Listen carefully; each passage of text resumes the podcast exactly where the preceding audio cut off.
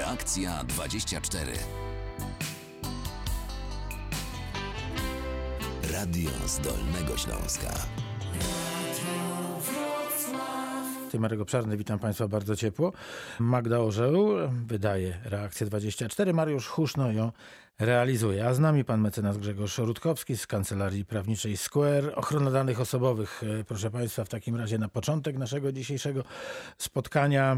Przypomnimy na pewno e, o ochronie danych osobowych w pracy zdalnej, ale e, z naszych poprzednich spotkań mamy nieco zaległości, więc jeśli pan mecenas pozwoli, to od nich zaczniemy. Dzień dobry raz jeszcze.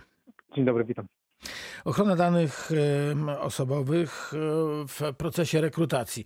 Przed chwilą opowiadałem Państwu taką miejską legendę, że oto przychodzę do pracodawcy, wykładam dokumenta, a w tych dokumentach jest napisane, że pracowałem w wielu bardzo ważnych instytucjach, no i pracodawca nie ma szans sprawdzić, czy mówię e, prawdę, czy nie, czy te dokumenty, które mam, nie są jakimś wydrukiem e, komputerowym, no, nazwijmy rzecz po imieniu, nie są sfałszowane, e, czy rzeczywiście mam niezbyt, a raczej zbyt ciekawą historię, historię mojego zatrudnienia, niezbyt wiarygodną, ale jednak prawdziwą. Mhm. Tak, faktycznie, faktycznie jest tak, że jest to miejska legenda po części, e, ale przepisy limitują możliwości pracodawcy co do sprawdzania, pytania o dane osobowe pracownika, kandydata do pracy tak naprawdę. I, I przepisy dość wprost wskazują, jakie dane od takiego człowieka możemy zebrać. Możemy oczywiście zebrać imię, nazwisko, to jest jasne, e, podstawowe dane dotyczące, czyli podstawowe dane jego identyfikujące, dane kontaktowe, no, czyli wiadomo, adres zamieszkania, e, jakiś e-mail, jak, e, numer telefonu, ale oprócz tego ten katalog jest szerszy, to znaczy wykształcenie, no wiadomo, w niektórych wypadkach potrzebujemy znać historię wykształcenia naszego kandydata do pracy, to jest jasne. Kwalifikacje zawodowe. Ale przepraszam, wykształcenie, czyli co, ja muszę przynieść, czy powinienem przynieść ze sobą e, dyplom, odpis dyplomu? Tu nie chodzi, Jeśli- o, to, jeśli to to chodzi o zebranie wyższe. informacji. To, to chodzi o zebranie informacji, to znaczy ma prawo mnie pytać o to. Niekoniecznie nie chodzi tu o, o, o, o stopień dowodzenia, tak? To, jest, to pytanie się rozwija o to, czy w ogóle pracodawca ma prawo to wiedzieć.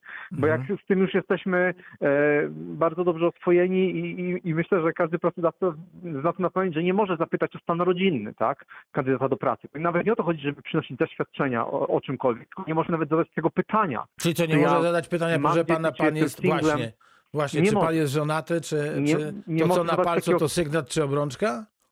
dokładnie, dokładnie. Nie może zadać takiego pytania, nie może pozyskać tych informacji, nie może w żaden sposób, nawet już nie mówię o kwestii ich wiarygodności, on nie może ich zbierać.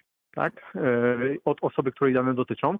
Natomiast może zbierać oczywiście dane o wykształceniu, o kwalifikacjach i o historii zatrudnienia. Tak? No bo to są ważne z punktu widzenia e, zatrudnienia dane dla pracodawcy. To jeszcze zapytam o e, zdrowie. Czy pracodawca Ale przyszły może zapytać, proszę pana, a czy pan chorował Mhm. psychicznie, a czy pan e, ma choroby Nie. przewlekłe, a czy Nie pan może. i tak dalej, i tak dalej. i tak nie dalej. może pytać. No, chyba są wyjątkowe sytuacje, w których no, pewne nasze predyspozycje zdrowotne, jak na przykład przy, przy kierowcy, są ważne dla wykonywania pewnego zawodu. No, to pomyślałem musi- sobie o lotniku. Tak, to, to ustawowo musi, ustawowo musi wynikać, tak? A ja, ja powiem nawet więcej. E, wracając jeszcze do tej miejskiej legendy i, i historii zatrudnienia, bo ten temat jest ciekawy i, i tak, tak, że tak powiem, tak jednoznacznie się nie odcina. To znaczy nie to, że, że, e, że ja mogę zebrać te informacje i koniec mogę dzwonić do każdego i się pytać o to, czy u pan, panu redaktor u Angeli Merkel, pracował, czy gdziekolwiek nie pracował, tak? No właśnie. E, I oczywiście ja mogę zapytać pana redaktora, czy pan redaktor pracował tu, tu i tu, albo gdzie pan pracował i pan mi łaskawie te informacje o sobie udostępni. No ale to póki co jest pana deklaracja, deklara, deklaracja. Pytanie jest, jakie ja mam możliwości weryfikacji tej informacji. No I tu zaczynają się schody, bo o ile nie pomoże mi w tym kandydat do pracy, to ja nie mam takich możliwości, bo ja nie mogę zadzwonić do jego byłego pracodawcy i zapytać, przepraszam, czy pan redaktor tu pracował, czy nie pracował, czy mogę dostać mało tego, jakim był ten temat. pracownikiem krnąbrnym, to czy nawet wręcz mówię. przeciwnie? Zacznijmy od małych kroków. Dobra, dobra. Ja nawet nie mogę zadzwonić i zapytać o to. I to tak naprawdę, jeżeli ja zadzwonię i tę informację uzyskam, to ja mam problem, znaczy nie tylko ja mam problem, ale i pracodawca, który te informacje udostępnił, tak? Bo z jednej strony ja nie mogę ich zbierać, ale pracodawca były po drugiej stronie nie może ich udzielać, bo po pierwsze, jaką ma pewność, kto w ogóle dzwoni, tak? E, Czy to jest przyszły pracodawca, czy to jest e, no, ktoś, kto by się do, chciał dowiedzieć pewnych informacji o jakiejś osobie tak? i Mhm. podszywa się pod pracodawcę, ale to zostawia na boku, bo po prostu podstawy prawnej do udostępnienia przez byłego pracodawcę, ani do zebrania przez nowego pracodawcę takich informacji bezpośrednio od tych osób nie ma. Ja mogę zebrać te informacje tylko od osoby, której dane dotyczą. I No teraz- dobrze, odłóżmy telefon. Jak pan wystąpi z pismem e, i pytaniem e, o karierę danego dżentelmena czy da, danej Ta sama damy w sytuacja.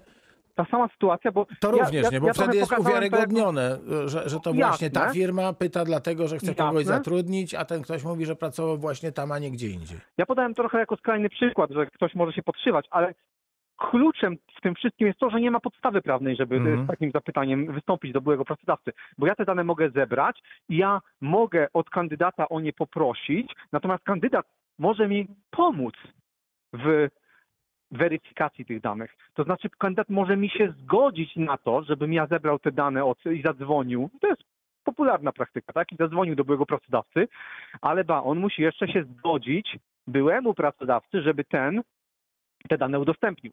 Bo to, że ja zadzwonię, ja dostanę zgodę od kandydata jako nowy pracodawca potencjalny e, i zadzwonię do jakiejś firmy, ale w firmie będą mieli jakieś pojęcie o ochronie danych osobowych i mnie wyśmieją, tak? Powiedzą mi, no proszę pana, nie, będę panu dawał informacji o moich pracownikach. Nie mam żadnej podstawy ku temu, ba, to jest wręcz czyn powodujący naruszenie przepisów o ochronie danych osobowych, więc tylko narażam się na problemy. Tak? Nie będę przyszłemu pracodawcy ułatwiał życie do tego, żeby siebie narazić na problemy. Ale jeżeli taką zgodę mój, praco- mój przyszły ewentualny pracownik wyrazi swojemu byłemu pracodawcy, to ten były pracodawca może, choć obowiązku nie ma, taką informację udzielić, bo będzie miał zgodę osoby, której dane dotyczą, do przekazania dalej takich informacji o jego historii zatrudnienia. Tak? No to rzecz jest mocno skomplikowana w takim razie. Rzecz się komplikuje, aczkolwiek no, z drugiej strony, wiecie Państwo, to jest też prosty, e, prosta czynność. Pracodawca, e, jeżeli pracownikowi zależy na tym, żeby informacja o jego zatrudnieniu była potwierdzana, no to przed ubieganiem się o kolejną pracę dzwoni do swoich byłych pracodawców i informuje, no, ktoś może do ciebie zadzwonić, ktoś może zapytać o moją osobę, czy mogę podać twój numer dla celów weryfikacyjnych, czyli też znowu kolejny punkt przetwarzania danych osobowych, czyli pracownik pyta swojego pracodawcę, czy może podać jego numer, na przykład komórkowy, służbowy, do nowego pracodawcy, czy jeszcze całą żartuje pan mecenas. No, No jak numer a- jest służbowy, no to przecież nie, nie, nie powinno być problemu. No tutaj też nie do końca zgoda, ale- na pewno, y, na pewno brak zgody. To znaczy numer służbowy, jeżeli to jest mój numer komórkowy, którego tylko ja używam, a to nie jest numer biurowy, stacjonarny, to Mhm. to jest dana osobowa. I jak każda inna podlega e, takim samym zasadom ochrony danych osobowych, to znaczy można i się nie udzielić, ale tylko w takim zakresie, w jakim ustawa nam na to pozwala, czyli na przykład w celu, w celu bieżących kontaktów e, służbowych, tak? Natomiast nie jest w ramach moich kontaktów służbowych informowanie nowego pracodawcy, mojego byłego pracownika o moim numerze telefonu. Tak? No, trochę już wy, wy, wykracza poza, poza prowadzenie To- to- działalności. Panie mecenasie, zupełnie, zupełnie tego nie rozumiem. Myślę, że wiele e, osób teraz e, jest e, mocno skonfundowanych, no bo przecież jeżeli mamy numer stacjonarny, to możemy go podawać. A no czym się różni numer stacjonarny od komórkowego? No liczbą, liczbą, liczbą cyfr, Mhm. no i, i, i technologią zastosowaną, tak? No to, to dlaczego... Różni się dlaczego... istotnie inną rzeczą. To znaczy, Tak. Różni się do tego, czy jest przypisanym do konkretnej osoby fizycznej. Aha. Jeżeli mamy pracownika, który Okej. ma swój, swój numer przypisany do niego na stronie internetowej, nawet numer, to to akurat Właśnie. będzie wtedy łatwiej go ujawnić, ale jeżeli zakładam, że nie ma go na stronie, pracodawca nie chwali się tym numerem, to jest to jakaś jego dana osobowa tego pracownika, tak samo jak miejsce zatrudnienia też jest jego daną osobową.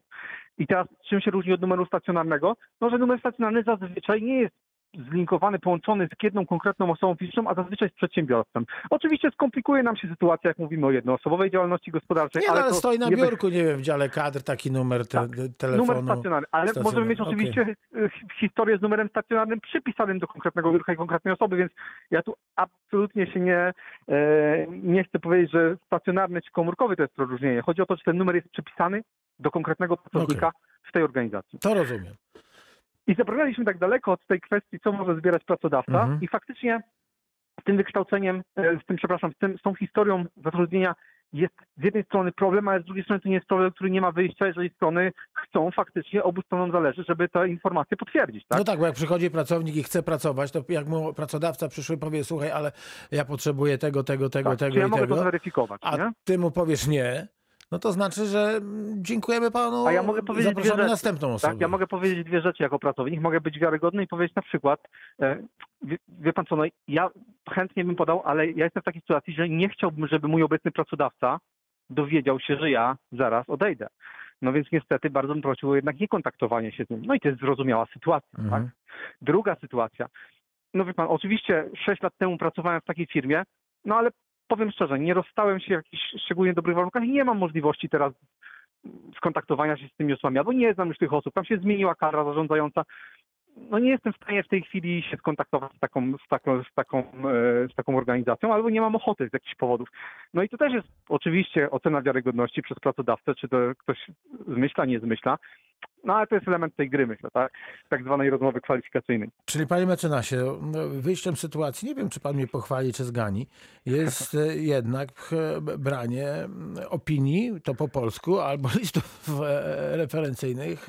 Myślę, że to ta, sama, ta sama rzecz, tylko inna nazwa. Tak, no to, znaczy to jest świetne rozwiązanie. Wiadomo, że jak się rozstajemy z pracodawcami, nie zawsze pamiętamy, chce nam się takie jeszcze rzeczy zrobić. Natomiast to trochę sprawę upraszcza. Oczywiście dostajemy coś na piśmie. E, oczy, oczywiście jest tak, że jak ktoś potrafi okłamać na rozmowie kwalifikacyjnej, to i referencji potrafi sobie, pewnie potrafi sobie napisać, więc to już inna tak. sprawa, jak bardzo to będzie wiarygodne. E, pewnie trochę bardziej, bo łatwiej skłamać słownie niż na piśmie, że tak powiem. Natomiast Natomiast tak, no to jest dobra praktyka, na pewno. Nasz, na pewno polecana, jak nie, że mamy swoje portfolio ładnie udokumentowane, nie mamy problemów, nie wchodzimy w problem z danymi osobowymi, o tak. Mhm. Nie, nie, nie kręcimy się w tym, e, e, z tym problemem dalej. 71 391 0000. Proszę Państwa, proszę korzystać z tego numeru telefonu. Jeżeli Państwo mają swoje sprawy, e, swoje problemy, swoje przemyślenia, to mecenas Grzegorz e, Rutkowski, który dzisiaj jest e, Państwa gościem, na pewno z przyjemnością wszystko wytłumaczy. A my na ten moment przerwiemy naszą główną rozmowę, więc proszę się nie martwić, że nie w tak zwanym mainstreamie, czyli głównym wątku Państwo się znajdują. Proszę naprawdę wykorzystywać wiedzę pana mecenasa e, do swoich dobrze rozumianych potrzeb. E, Proszę mi powiedzieć, e, czy w erze już tak by można było powiedzieć, czy dobie może bardziej precyzyjnie komputerów i COVID-u i tego utrudnionego kontaktu międzyludzkiego, czy my- my możemy, powinniśmy wysyłać jakieś dokumenty właśnie mailowo? Możemy się oczywiście spotkać e, na komunikatorze z przyszłym pracodawcą czy z przedstawicielami przyszłego pracodawcy, no ale później trzeba jakieś dokumenty złożyć. Mogą nas o to e, prosić przyszli pracodawcy, a czy my powinniśmy ulec tym prośbom? Oczywiście bardzo często takim dokumentem, który pewnie będziemy wysyłać mailowo i to jeszcze przed COVID-em mailowo wysyłamy, to jest, to jest nasze CV. I oczywiście z drugiej strony pytanie jest zawsze o bezpieczeństwo transferu mailowego i o wagę danych, które, e, które przesyłamy. Zakładamy, że bezpieczeństwo transferu mailem jest mniejsze niż większe, w szczególności jak w prywatnych celach korzystamy ze skrzynek mailowych, które nie są szczególnie zabezpieczone, e, są dostępne, że tak to ujmę, darmowo, no to do tego używamy haseł, które, na których szczególnie nie zwracamy uwagi, żeby były bardzo bezpieczne. To możemy podejrzewać, że gdzieś w sferze informatycznej te nasze dane prędzej czy później mogą, e, mogą wyciec. I to mówię po naszej stronie. Po drugiej stronie mamy pracodawcę, co którego bardzo często nic nie wiemy jego, o, o, o jego zabezpieczeniach. On oczywiście ma obowiązek wdrożyć pewne zabezpieczenia systemu informatycznego tak, żeby z niego dane osobowe nie wyciekały, ale tego też nie wiemy. Dlatego ważne jest, by zważyć wagę danych versus ryzyko, które się pojawia. I o ile ja osobiście uważam, że wysłanie CV mailem nie rodzi dla nas jakichś istotnych, e, istotnych ryzyk, szczególnie jeśli nie robimy tam, nie wpisujemy tam rzeczy, których w zasadzie w CV nie powinniśmy wpisywać. To znaczy na przykład numeru PESEL. On nie jest w CV potrzebny. E, On ba, nawet pracodawca nie powinien tego numeru PESEL przetwarzać, bo nie może, w związku z, zgodnie z tym, co rozmawialiśmy przed chwilą. Nie ma potrzeby pisania, to co też o czym wprost przecież powiedzieliśmy, stanu cywilnego w swoim CV. A datę Nie- urodzenia? E, nie ma także takiej potrzeby, e, żeby pisać tę datę urodzenia, bo, e, bo o ile jest to, co prawda, coś, czego pracodawca może od nas żądać, bo akurat data urodzenia jest, data urodzenia jest w katalogu danych, które może od nas żądać pracodawca, to czy ona musi być w CV? Sądzę, sądzę, że nie. Tak naprawdę ta data urodzenia może się pojawić gdzieś później mm, na, na etapie rozmowy kwalifikacyjnej. Aczkolwiek to też data urodzenia, to umówmy się, to nie jest jakaś dana szczególnie, e, szczególnie wa- wrażliwa czy cenna e, po drugiej stronie, więc tutaj uznałbym tak, CV z naszymi podstawowymi informacjami to nie jest, to, to nie jest na tyle dokument wrażliwy dla nas, jeżeli nie zawiera tych danych, przypadkiem nie wpiszemy tam danych, które nie są tym potrzebne, e, żebyśmy, żebyśmy go nie wysyłali w formie mailowej, żebyśmy się szczególnie o to obawiali. Natomiast jeśli już w dalszych etapach rekrutacji e, albo w szczególnych rekrutacjach, na przykład, które dotyczą zawodów związanych z wykonywaniem jakichś szczególnych czynności, które wymagają zaświadczenia o niekoralności, e, czy oświadczenia o stanie zdrowia, tu bym zaczął już być ostrożny, to znaczy nawet z perspektywy pracownika, który takie swoje dane, które są dla niego cenne, są dla niego może e, w jakiś sposób wrażliwe, są dla niego mm, może czasami intymne, o takim charakterze, to raczej starałbym się albo je zahasłować, jeżeli wysyłam je do pracodawcy, tudzież przyszłego potencjalnego pracodawcy, e, zaszyfrować. W prosty sposób można to zrobić dostępnymi darmowy, darmowo programami. E, Wysłać odrębnym środkiem komunikacji, to jest ważne i czego e, nigdy nie można powiedzieć za dużo, bo, bo tak naprawdę bardzo się się często zdarza, że ta zasada jest naruszana. Odrębną drogą komunikacji wysłać hasło do takiego pliku. Nawet to hasło nie musi być bardzo skomplikowane, dlatego że wystarczy, że ten sam plik jest zaszyfrowany, to powoduje, że już takie automatyczne skanery, e, nielegalne oczywiście, poczty e-mail, jak widzą taki zaszyfrowany plik, no to, no to, no to już go nie czytają tak automatycznie, ktoś musiałby pewien wysiłek podjąć, żeby go odszyfrować. Wysłać odrębnym środkiem komunikacji, czyli albo telefonicznie podać, albo wysłać SMS-em, byle nie mailem i nawet nie o to chodzi, że nie w tym samym mailu, tylko nawet nie w następnym mailu, e, tego hasła, które, które jest do pliku, którego zabezpiecza. Wtedy możemy e, możemy sobie powiedzieć, że o ile u pracodawcy wszystko jest ok, to my po swojej stronie zadbaliśmy, żeby te nasze dane, które są dla nas w jakiś sposób ważne z jakiegoś powodu, pozostawały bezpieczne. No i teraz e, umówmy się tak, że ta rekrutacja przeszła em, świetnie, fantastycznie dla obu stron. No i zaczyna się praca. I teraz nasz pracodawca mówi, dobrze, każdy w firmie musi nosić identyfikator ze zdjęciem, z imieniem i nazwiskiem. Mhm. I ze stanowiskiem. Ma prawo?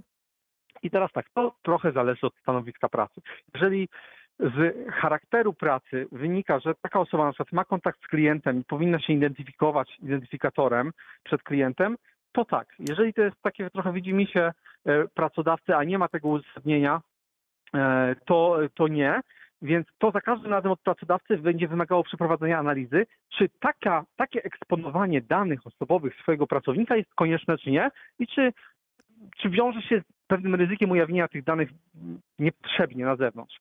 Bo ja potrafię sobie wyobrazić, że pewne osoby, które muszą się identyfikować, czy wobec klientów, czy wobec e, potencjalnych e, spotkanych osób, z którymi się kontaktują, muszą się identyfikować z danymi osobowymi, no to taki identyfikator jest konieczny, ale jeżeli ja bym miał na przykład zatrudniać osoby roznoszące gazety na ulicy i wymagać od nich, żeby one miały identyfikator, to to byłoby raczej nadmiarowa, nadmiarowy wybuch, bo nikt nie potrzebuje, żeby osoba, która czy sprzedaje, czy, czy roznosi jakieś, jakieś darmowe e, prezenty na ulicy, była, identyfikowała się wobec, wobec szerszego grona osób. A kto podejmuje taką decyzję, wie pan? Bo jeżeli, Mhm. panie mecenasie, sytuacja jest jasna i prosta. Mój pracodawca mówi, masz nosić identyfikator, ja się z tym zgadzam, to go wieszam i nie ma problemu. Problem się pojawia wtedy, kiedy dwie strony mają różne zdania. Mhm. Tak? I teraz, e, czy jako pracownik, nie wiem, mogę odmówić, mogę się odwołać, e, mogę, nie wiem, no, po- poprosić e, e, kogoś z zewnątrz, żeby, żeby zajął stanowisko. Ja oczywiście rozumiem, że jeśli chcę dalej pracować, no to pewnie będę nosił ten ide- identyfikator, albo jak to było e, drzewiej w szkole, tarczę będę przypinał na agrafkę, chociaż miała być do fartucha przyszyta. To wygląda w ten sposób. Oczywiście decyzję na wstępie w ocenie przetwarza, sposobu przetwarzania danych osobowych podejmuje pracodawca i to jego wręcz obowiązkiem jest, jeżeli przetwarza pewien zakres danych, określić to w swoi- swoich do, wewnętrznych dokumentach, do których prowadzenia RODO go obliguje, jakie dane przetwarza, w jakich celach i na jakiej podstawie. I tutaj tą podstawą może być ewentualnie tak zwany uzasadniony interes administratora do przetwarzania tego rodzaju danych. I teraz, jeżeli ja powołuję się jako pracodawca na tak zwany uzasadniony interes administratora danych osobowych, to wówczas muszę wyjaśnić sobie tak trochę wewnętrznie, w swoich wewnętrznych dokumentach, co to znaczy ten uzasadniony interes, jaki on jest. Czy on nie przypadkiem nie jest tak, y, że nad tym moim interesem przeważają, e, przeważają prawa i wolności osób, których, które naruszam przez to, że te dane e, ujawniam. Muszę sobie zrobić taką jako pracodawca e, rozwagę. Następnie, jeżeli ja jako, jako pra, mój pracownik nie zgadza się z taką decyzją, no oczywiście nie to, że, że ma prawo od razu wziąć, wyrzucić ten, ten identyfikator, aczkolwiek no oczywiście może zakwestionować ten mój sposób przetwarzania jego danych osobowych. I tutaj wchodzimy na taki standardowy tryb, o którym bardzo często sobie rozmawialiśmy. Jeżeli ktoś nieprawidłowo przetwarza moje dane osobowe, to co ja mogę zrobić? To oczywiście mogę po pierwsze wskazać mu na to naruszenie, no ale to często może bywać nieskuteczne.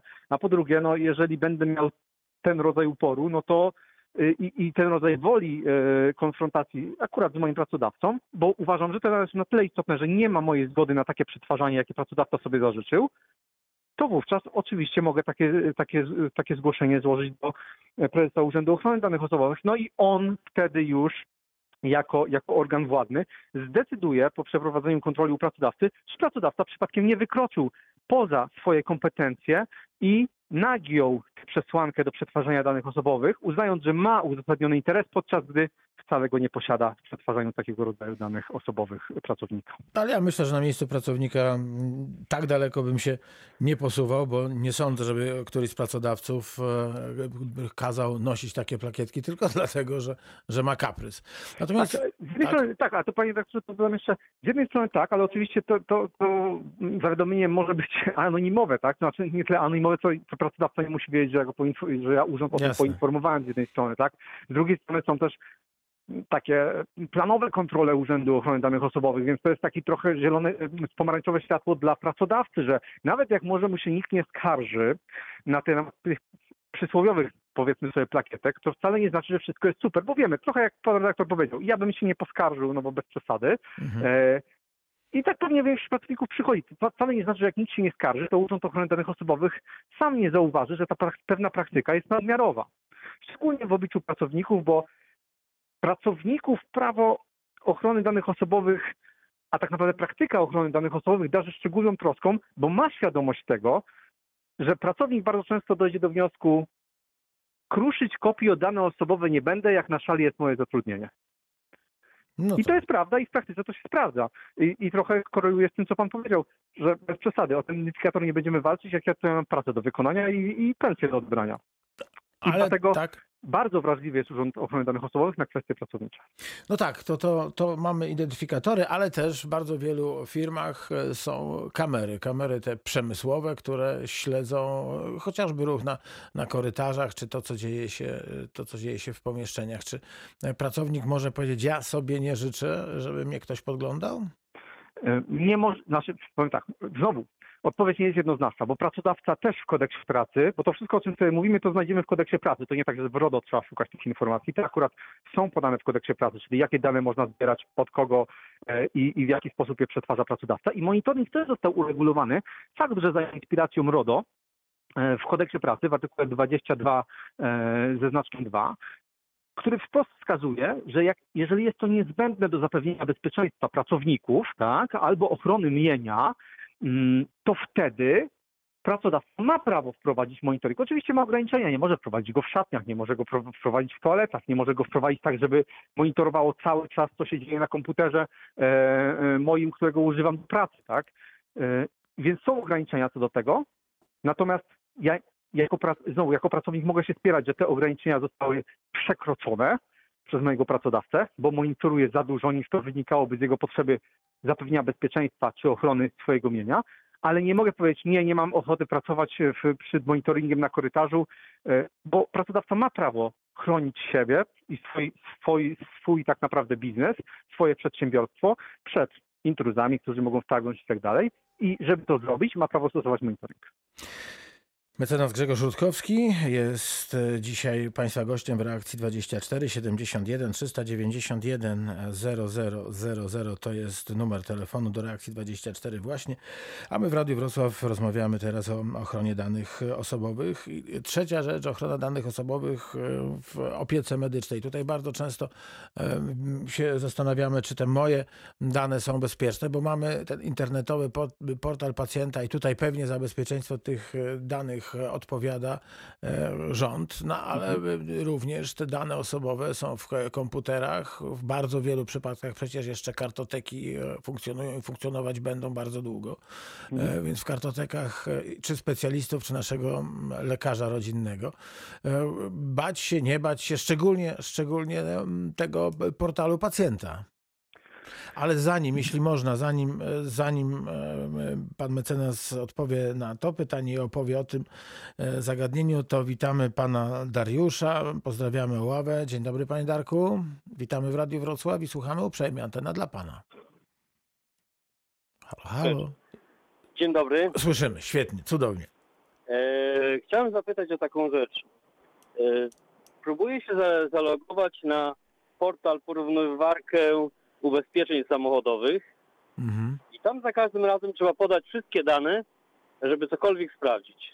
To To prawda. nie jest tak, że powinno być e, decyduje się na ten portal i podpisuje umowę i wtedy te dane po, e, podaje, czy, czy, czy muszę z góry to podać? E, Więc z tymi porównywarkami jest tak, że one faktycznie zbierają bardzo dużo naszych danych e, i zbierają nasze dane za naszą zgodą oczywiście, a za tą zgodą... Tam do- inaczej, tam inaczej nie można Tak przejść, jest. To? Tak, ja, ja też próbowałem kiedyś to zrobić. Jak, jak Mhm. nie wyrazimy zgody, to mówią nam dziękuję Dokładnie. bardzo, ale wszystko trzeba powiedzieć najpierw, włącznie chyba z numerem telefonu, prawda? I Tak, z tak, mailem. tak. No, żeby oni mogli się dowolnie zgodzić się na marketing, na wszystko. I teraz e, proszę zobaczyć, czym jest ta porównywarka. No jest pewną usługą. To jest pewna usługa, która, którą należy sobie odpowiedzieć na pytanie, czy ona jest darmowa. I ona nie jest darmowa. To jest usługa, która kosztuje pana dane osobowe. I to jest zapłata No właśnie, za to. to- To jest zapłata za, za pracę, którą ktoś sobie wykonuje, czy nie Przerwę wykonuje. panu Wy- y, na momencik. Poszedł do swojego ubezpieczyciela i od razu się zaśmiał i powiedział, co już pana dane mają. Takie było jego reakcje. No to tak, to swoją drogą, bo pewnie, pewnie też może tak być. Natomiast to jest pod, pod, pod trochę pod płaszczem takiego bezpłatnej porównywarki jest pobranie zestawu danych, które z jednej strony posłużą oczywiście do kontaktu z panem, bo potem będą pana, yy, będą panu oferować pewne najlepsze według No właśnie, nich albo polecane przez ciebie mówię, oferty. No i z tego trochę takie firmy żyją. Znaczy to jest tak, tak wygląda ich model biznesowy. Znaczy gdyby nie było tak, że zbierają te dane, to nagle przestałoby im się to opłacać, bo pan by od razu Ale dzwonił do firmy nie jest tak, że właśnie takie portale zbierają najwięcej danych i czy oni nie handlują tymi danymi? Bo A to, to oczywiście jest drugie dno tego procederu. Czy, oni, czy handlują tego, tego ciężko określać? Pewnie na pewno nie wszyscy i, i pewnie w większości być może nie. Natomiast to, co one handlują, to jest wtórne do tego, jaki jest zakres zgody. Bo proszę zobaczyć, że bardzo często nie czytamy to, na co my się zgadzamy, tylko szybko chcemy to ubezpieczenie znaleźć i myślę, dobrze, zgodzę się na te dane, niech oni wezmą mój numer, niech zadzwonią, niech wezmą tego maila, trudno, i klikam, zgadzam się, ale tam jest informacja o tym, że poza tym, że oni będą je przetwarzać na swoje cele, to jeszcze przekażą im 16 różnym podmiotom, z którymi mają umowę o zarządzanie, o marketing, o coś tam, o coś tam, o coś tam. I, i to się okaże, że zaraz będą dzwonić do nas ze sprzedażą garnków, a nie tylko ze sprzedażą no, no, ubezpieczenia. Bo my się zgodziliśmy. To jest coś, co na przestrzeni tych naszych tutaj e, rozmów na antenie Radia Wrocław bardzo często się pojawiało, ale dlaczego do mnie dzwonią? I ja ostrożnościowo mówię, no być może jest tak, że ktoś nielegalnie przetwarza pane dane, a być może jest tak, że kiedyś pan po prostu kliknął taką zgodę, która była bardzo, bardzo szeroka i te dane po prostu tam sobie wiszą o tych danych osobowych jeszcze e, wrócę, bo to już jeszcze jest e, samochód, jaka marka i tak dalej. To są, według mnie to są już dość spore dane, prawda?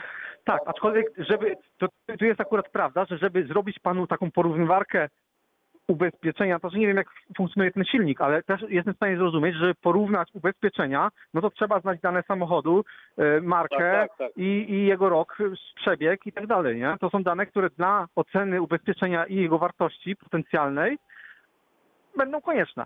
Czyli nie ma tutaj jakby nadmiarowości tak, zebrania. No nie pytają na przykład o pana, no, pana czy często pan jeździ nad morze, nie?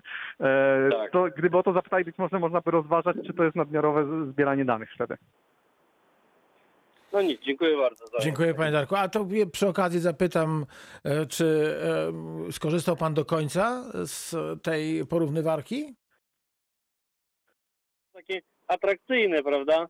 Ale, ale no nie skorzystałem do końca, Okej. ale nie, nie ukrywam, że swoje dane musiałem podać. Okej, no to w takim razie nie dowiemy się, e, czy rzeczywiście to jest e, tak, że przez porównywarkę mamy lepsze ubezpieczenie niż wtedy, kiedy byśmy po prostu nie, to ja do sprawdzili. końca przeszłem to, wie pan, ten portal i cena była zbyt wysoka, żeby, żeby się zdecydować. A proszę bardzo, czyli jednak doszedł pan do końca. Nie, nie, no musiałem dojść, bo chciałem spróbować. Czy Okej. faktycznie jest atrakcyjna cena. Okej. Bardzo panu dziękuję w takim razie za, za telefon. Pozdrawiamy pana Darka, pozdrawiamy Ławę, a teraz na antenie Radia Wrocław w reakcji 24 pan Stanisław z Trzebnicy. Ukłony dla Trzebniczanek i Trzebniczan. Dzień dobry panie Staszku. Dziękujemy, dziękujemy za ukłony. Panie rektorze, ja mam taką e, sprawę. Dla mnie to jest w ogóle cyrk na kółkach z tymi ubezpieczeniami, bo e, w zeszłego roku w marcu przeszłem na emeryturę. Przed tym wziąłem kredyt jeszcze jak pracowałem. Wziąłem ten kredyt i kredyt ubezpieczyłem na ponad 5 tysięcy złotych I, dwa ubezpieczenia wykupiłem. Jedno ubezpieczenie na wypadek śmierci, drugie ubezpieczenie na trwałe, trwałą utratę pracy. Ponieważ przeszłem na emeryturę w marcu, yy, ubezpieczyciel nie poinformował mnie o tym i dalej pobierał składkę. Więc ja wystąpiłem do ubezpieczalni o odszkodowanie za utratę pracy.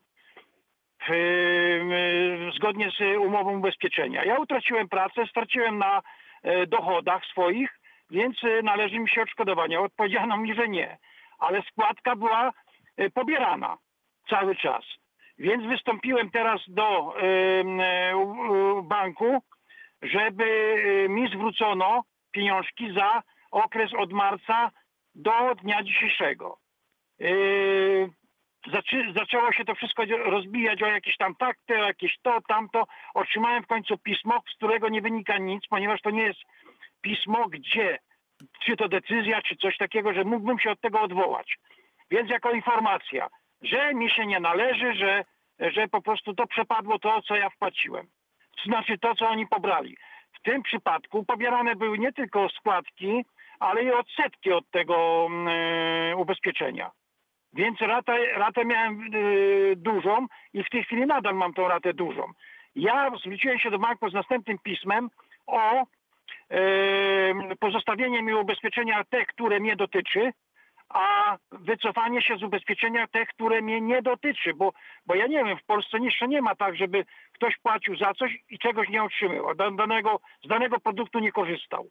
To Panie Stanisławie, to ja, mam, to ja mam prośbę, ponieważ to są sprawy kredytowe, a mecenas Skrobich, e, który e, jest specjalistą e, w tej dziedzinie, będzie naszym gościem we czwartek w Reakcji 24, to prosiłbym bardzo, żeby pan we czwartek, żeby pan we czwartek zatelefonował i na pewno pan mecenas się odniesie do sprawy. Dobrze, Bo dzisiaj to, o tak- danych, o danych osobowych rozmawiamy, e, a mecenas Arkadiusz Skrobich na pewno z przyjemnością panu powie, e, co należałoby zrobić, żeby z tej sytuacji jakoś wybrnąć. No bo dla mnie to jest e, według ustawy o sprawiedliwości społecznej, no to pan postępuje jak gangster. Panie Stanisławie, porozmawiajmy o tym we czwartek, dobrze? Dobra, z fachowcem. dobra panie doktorze. Dziękuję za dzisiejszy telefon. Do usłyszenia we czwartek. E, Wracamy do spotkania z panem mecenasem e, Grzegorzem Rutkowskim z Kancelarii Prawniczej Square. Dzisiaj e, w roli głównej ochrona danych osobowych 71 391 00 00. E, od- Wróćmy do tej opieki medycznej. Możemy być spokojni o nasze dane. Kto może też do tych danych wglądnąć, że tak to się e, wyrażę. Chodzi mi o to, e, czy no chyba, chyba jednak te dane osobowe e, za chwileczkę, jeśli chodzi o medycynę, bo teraz mamy maila. Em, Czy zgodnie jest z przepisami, że przy zakupie węgla sprzedający oprócz mojego imienia, nazwiska, adresu żąda podania numeru PESEL i numeru dowodu osobistego celem uzyskania zwolnienia z akcyzy? Tak, to, to szybkie, szybkie pytanie, szybko odpowiedź, bo ten temat już przerabialiśmy parokrotnie, tak od e, bodajże dwóch lat już, to e, od półtorej roku e, taki obowiązek został nałożony na dostawcę i on musi te dane zebrać do, od finalnego odbiorcy, żeby dostać zwolnienie. To, to wracajmy do, do służby zdrowia. Mhm. Nie, no nie E- wrócimy do służby zdrowia. Przepraszam, państwo się rozdzwonili świetnie, fantastycznie. To jest też państwa program, państwo go reżyserują. Jelcz Laskowice teraz e, pozdrawiany mocno i pani Daria e, na antenie Radia Wrocław. Dzień dobry. Dzień dobry. Mam takie pytanie dotyczące, jak się pracuje na umowy, takie zlecenia. Są to takie dorywcze prace i za każdym razem trzeba wypełniać właśnie taką umowę. I na jednych y, jest tylko, żądają podania numeru dowodu osobistego, a na jednym jest i dowód osobisty i PESEL. I tłumaczą, że jeżeli tego się nie poda, to tam się czegoś nie otrzyma, to i to, i to, i to. I mam na przykład znajomą, która y, miała otrzymywać pieniądze z kasy, bo była taka możliwość. Później powiedziano, że tylko na konto. Konta ona nie ma. No i y, wyszedł problem, że musi znaleźć sobie konto, gdzie będzie to prze, przesyłała, bo takiej inaczej nie wypłacą. I mam takie dwa pytania. Czy można, czy jest możliwość wypłacania bez konta, pobierania z kasy, czy to już jest takie mur beton, że, że firma nie może wypłacić? I jakie dane trzeba podawać właśnie na takiej umowie, y, zleceniu, mm, czy, czy, czy, czy po prostu musi żądać tego całego PESLA i to wszystko? To ja, to ja zacznę od drugiego pytania, bo ono jest związane z naszym dzisiejszym tematem tak bardziej trochę. To e, od, pra- pracodawca czy, czy też zleceniodawca może żądać obu danych. Tak? Obie są, są ważne w procesie, e, w procesie dochodzenia ewentualnych roszczeń od zleceniobiorcy czy rozliczania, szczególnie PESEL-u. E, On dla potrzeb ro- rozliczeń ewentualnie wynagrodzenia może nam być konieczny. Natomiast jeśli chodzi o drugie pytanie, to, to, ja odpowiedzi szczerze mówiąc nie udzielę, bo to też, też trochę poza zakresem naszego, e, naszego spotkania, aczkolwiek, e, aczkolwiek jest faktycznie tak, że zmieniły się priorytety trochę ustawodawcy chyba z dwa lata temu i o ile kiedyś zasadą była wypłacanie gotówce, a jedynie na wniosek pracownika wypłacanie nastąpiło na konto, to to się zmieniło, e, ten układ i teraz zasadą jest wypłacenie na, ko- na konto, aczkolwiek wątpię, żeby było tak, że nie można dostać wynagrodzenia w, w gotówce, tak, w pieniądzu. po prostu. Ale wiele firm nie ma nawet e, kasjerów. Jasne, ja to rozumiem, bo dlatego, że nikt nie chce wypłacania, nie, nie chce wypłacania prawdopodobnie w gotówce, mówię, tutaj wypowiadać się nie będę, to jest jedynie, e, że tak powiem, tak na marginesie naszej dzisiejszej rozmowy Jasne. Z tego, co, z tego, co ja się orientuję. Natomiast e, to trzeba, trzeba by było głębiej sprawdzić, nie? Czy, czy jest taka możliwość, żeby zupełnie pozbyć się gotówki. No, czyli jeżeli na umowę są e, takie dane żądane, to, to się wszystko podaje, PESEL, tak? PESEL, i, PESEL i numer dowodu to są dane, które są zasadne na tego rodzaju umowy. Mhm. A czy jest y, taka możliwość, że mogą żądać zdjęcia czy ksero dowodu osobistego? Nie. E, To bardzo ważne pytanie. Ksera dowodu osobistego absolutnie nie. W szczególności na etapie rekrutacji nie ma takiego, takiej możliwości. E, Jak już jest Pani zatrudniona, to też ksera się nie zbiera dowodu osobistego. Podaje się dane, które są konieczne mm, zleceniodawcy do, e, do swoich wewnętrznych celów, czy dla celów rozliczania się potem. Natomiast na pewno nie jest potrzebne Pani, pani zdjęcie w, tych, w tym zakresie. Tak? To, chyba, że, chyba, że jest to, co, o czym rozmawialiśmy w- wcześniej, czyli z jakichś powodów jest potrzebne wyrobienie identyfikatora i to zdjęcie jest w tym identyfikatorze potrzebne. No, ale to jest inna sprawa i to zdjęcie odrębne, a nie jako element wycięty z dowodu e, się przedstawia. Mhm. Dobrze, dziękuję. Pozdrowienia Pani Dario, wszystkiego dobrego, dziękujemy bardzo. No a to teraz mail. E, Dzwonią do mnie różne firmy windykacyjne i żądają e, podania danych PESEL lub daty urodzenia w celu weryfikacji. Czy muszę podać swoje dane, czy mogę powołać się na ustawę o ochronie danych osobowych? Trochę zależy, czy chce Pan zostać zweryfikowany. Znaczy, jeżeli ja nie mam żadnych kontaktów z tą firmą, nie mam ochoty się z nią kontaktować, to nie mam oczywiście obowiązku podawać moich danych. Jeżeli zaś zależy mi na tym, żeby się zweryfikować wobec jakiegoś przedsiębiorcy, do którego spodziewam się kontaktu i mam się z nim kontaktować, no to jak najbardziej na, w celach weryfikacji można takich danych żądać. To znaczy, jeżeli ja dzwonię do kogoś, czyli PESEL znam, no to, no to, no to żeby zweryfikować, czy rozmawiam z prawidłową osobą, to takiego PESEL-u od niego być może zażądam. No tak, ale z drugiej strony musimy mieć pewność, że to właśnie ta, nie inna firma do mnie dzwoni. Dokładnie, Bo znaczy, do, zadzwonią dokładnie do mnie. Ja tak. w sprawie prądu, wie pan, czy to pan Iksiński? Tak jest. No to proszę Bardzo- podać numer PESEL, bo chcę zweryfikować, czy, czy pan to pan. Tak, bardzo często y, jest pytanie właśnie, czy ja się spodziewam kontaktu, że ja czekam na ten kontakt z firmy windykacyjnej, bo chcę zawrzeć jakąś ugodę i wiem, że będą do mnie dzwonić, no to, no to muszę być ja, który też rozmawia z tym, z tym windykatorem. Niestety problem kontaktu telefonicznego jest taki, no, że po dwóch stronach nie wiemy, kto jest. No i windykator ma ten sam problem. Możecie się Państwo oczywiście spotkać na żywo, nie? Ale teraz to jest jeszcze bardziej utrudnione No i wtedy okazać się dowodami z dwóch stron i pokazać je sobie. E, natomiast no ten poziom zaufania po prostu jakiś tam musi być, ale on buduje się na podstawie naszych oczekiwań, czyli wiemy, że windykator do nas zadzwoni. Ryzyko jakoś, je- jakieś jest, dlatego być może warto podać cztery ostatnie cyfry numeru PESEL i zapytać, czy to wy- wystarczy, bo nie chciałby pan, pani całego numeru PESEL przez telefon, być może niezabezpieczone połączenie podawać. To teraz w Radiu Wrocław pozdrawiamy Szczytną i kłaniamy się pani Katarzynie. Dzień dobry, witamy pięknie. Dzień dobry, dzień dobry, Co- dziękujemy bardzo za ukłony. Co Ja sprowadza? mam do pana mecenasa taką sprawę, takie zapytanie jedno. Dostałam fakturę roczną, y, y, proszę pana, roczną ze wspólnoty mieszkaniowej. No i, i tam w tej, w tej fakturze jest napisane, że ja tam zalegam na przykład, dajmy na to 20 zł. I zostało napisane moje nazwisko 20 zł. Więc zapytuję się, czy można było napisać te moje nazwisko, jak są różne inne jeszcze tam y, y, tablice, ogłoszenia. Tego nie wyszczególniono, tylko moje nazwisko na całą wspólnotę. Czy można było? Znaczy to, to pani, to trafiło tylko do pani, czy do... No nie, nie, to do całej wspólnoty, do całego budynku to trafiło z moim nazwiskiem. Za te Mhm. 20 zł, bo coś tam może źle wypełniłam, nie wiem do tej pory o co to chodzi, jeszcze właśnie muszę pojechać y, zapytać, ale zostało powiedziane, pani ta i ta y, zalega 20 zł. Więc stanowisko co do tego, y, co do zaległości w stronę wspólnoty jest takie i ono już zostało prze- przerobione, że tak powiem, w praktyce, że wspólnota ma prawo być poinformowana, który z członków wspólnoty zalega, natomiast to musi być ograniczone tylko do członków wspólnoty. W sensie nie może być to ogłoszone na przykład na tablicy informacyjnej. Pani wspomniała o tablicy, być, więc być może tak było. E, Na tablicy informacyjnej wywie- wy- wywieszone, gdzie każdy ewentualny odwiedzający Nie, nie, to klatkę... przepraszam bardzo panie mecenasie. To zostało wszystkie faktury roczne, rozliczeniowe wysłane do każdego z osobna lokatora. Do, człon, do, członków, do członków wspólnoty.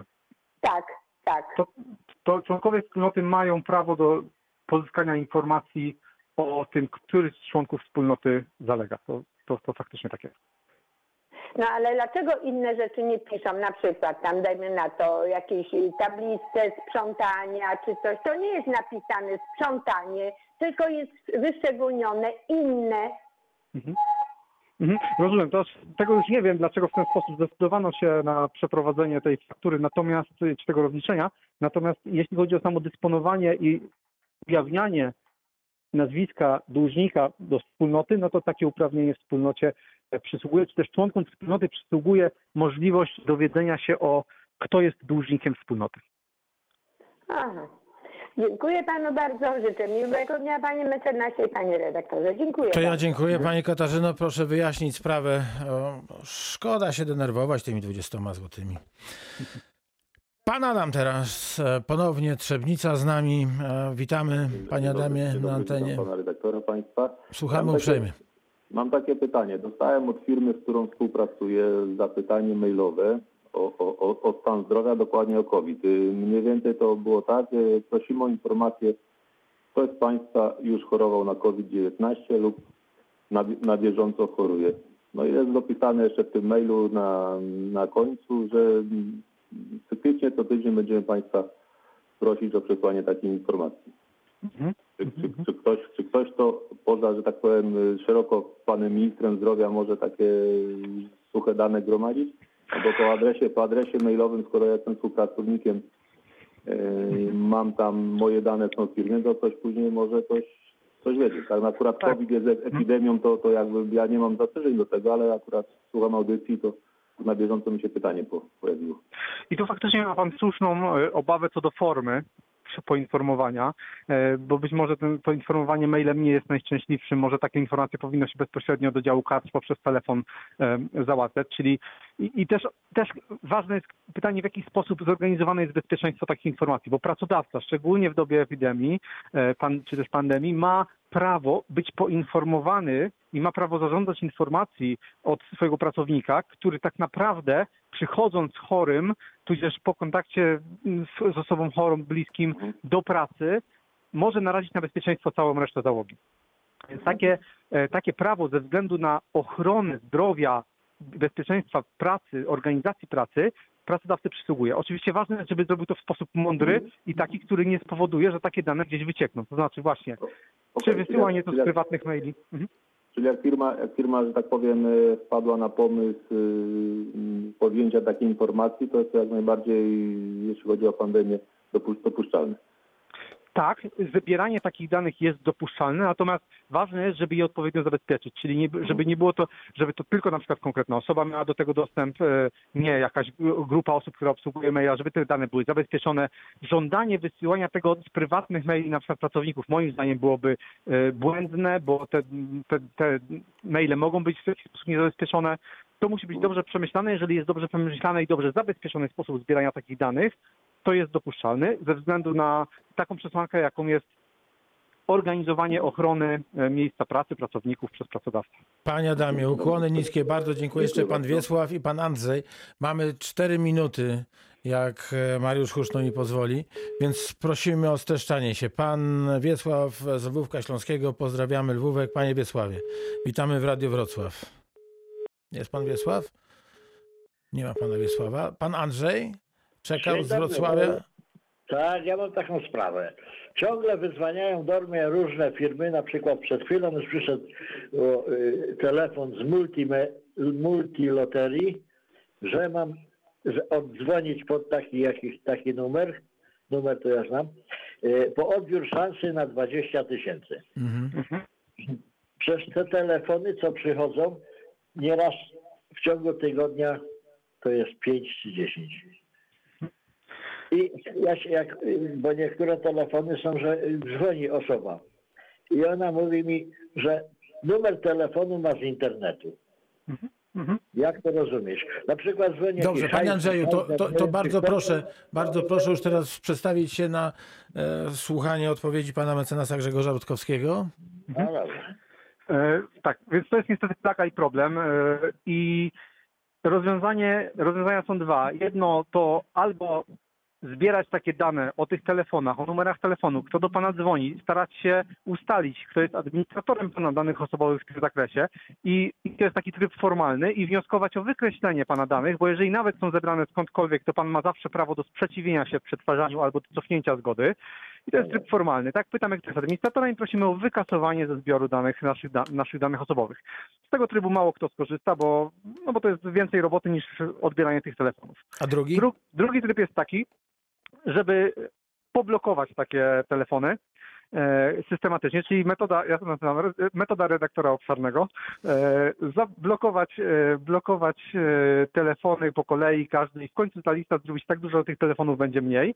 No i w końcu trzeci sposób to jest taki, żeby zacząć się skarżyć na te telefony do Urzędu Ochrony Danych Osobowych, natomiast ten na pewno to nie będzie szybki i skuteczny sposób, ten trzeci, tak. No niestety to prawda, nawet podczas e, naszego dzisiaj z Państwem spotkania zablokowałem e, numer telefonu z Gdańska. E, o, ostatni mail, e, proszę Państwa, no musimy kończyć takie, takie życie. Wrócimy do służby zdrowia na pewno następnym razem. W związku z COVID, jak wiemy, często w aptekach czy innych miejscach jest tak, że nie można podchodzić bezpośrednio do okienek. Trzeba zachować bezpieczną odległość. Natomiast w przypadku, kiedy mam e-receptę, pani w aptece domaga się ode mnie podania PESEL-u, który muszę podyktować na głos wraz z imieniem i nazwiskiem. E, No i później e, kod recepty oczywiście. Czy jest to zgodne z ochroną danych? Pozdrawia pani Agata, pozdrawiamy panią Agatę. No, z punktu widzenia apteki warto było zorganizować taki sposób, który mm, nie pozwala na głośne ujawnienie numeru PESEL, tak?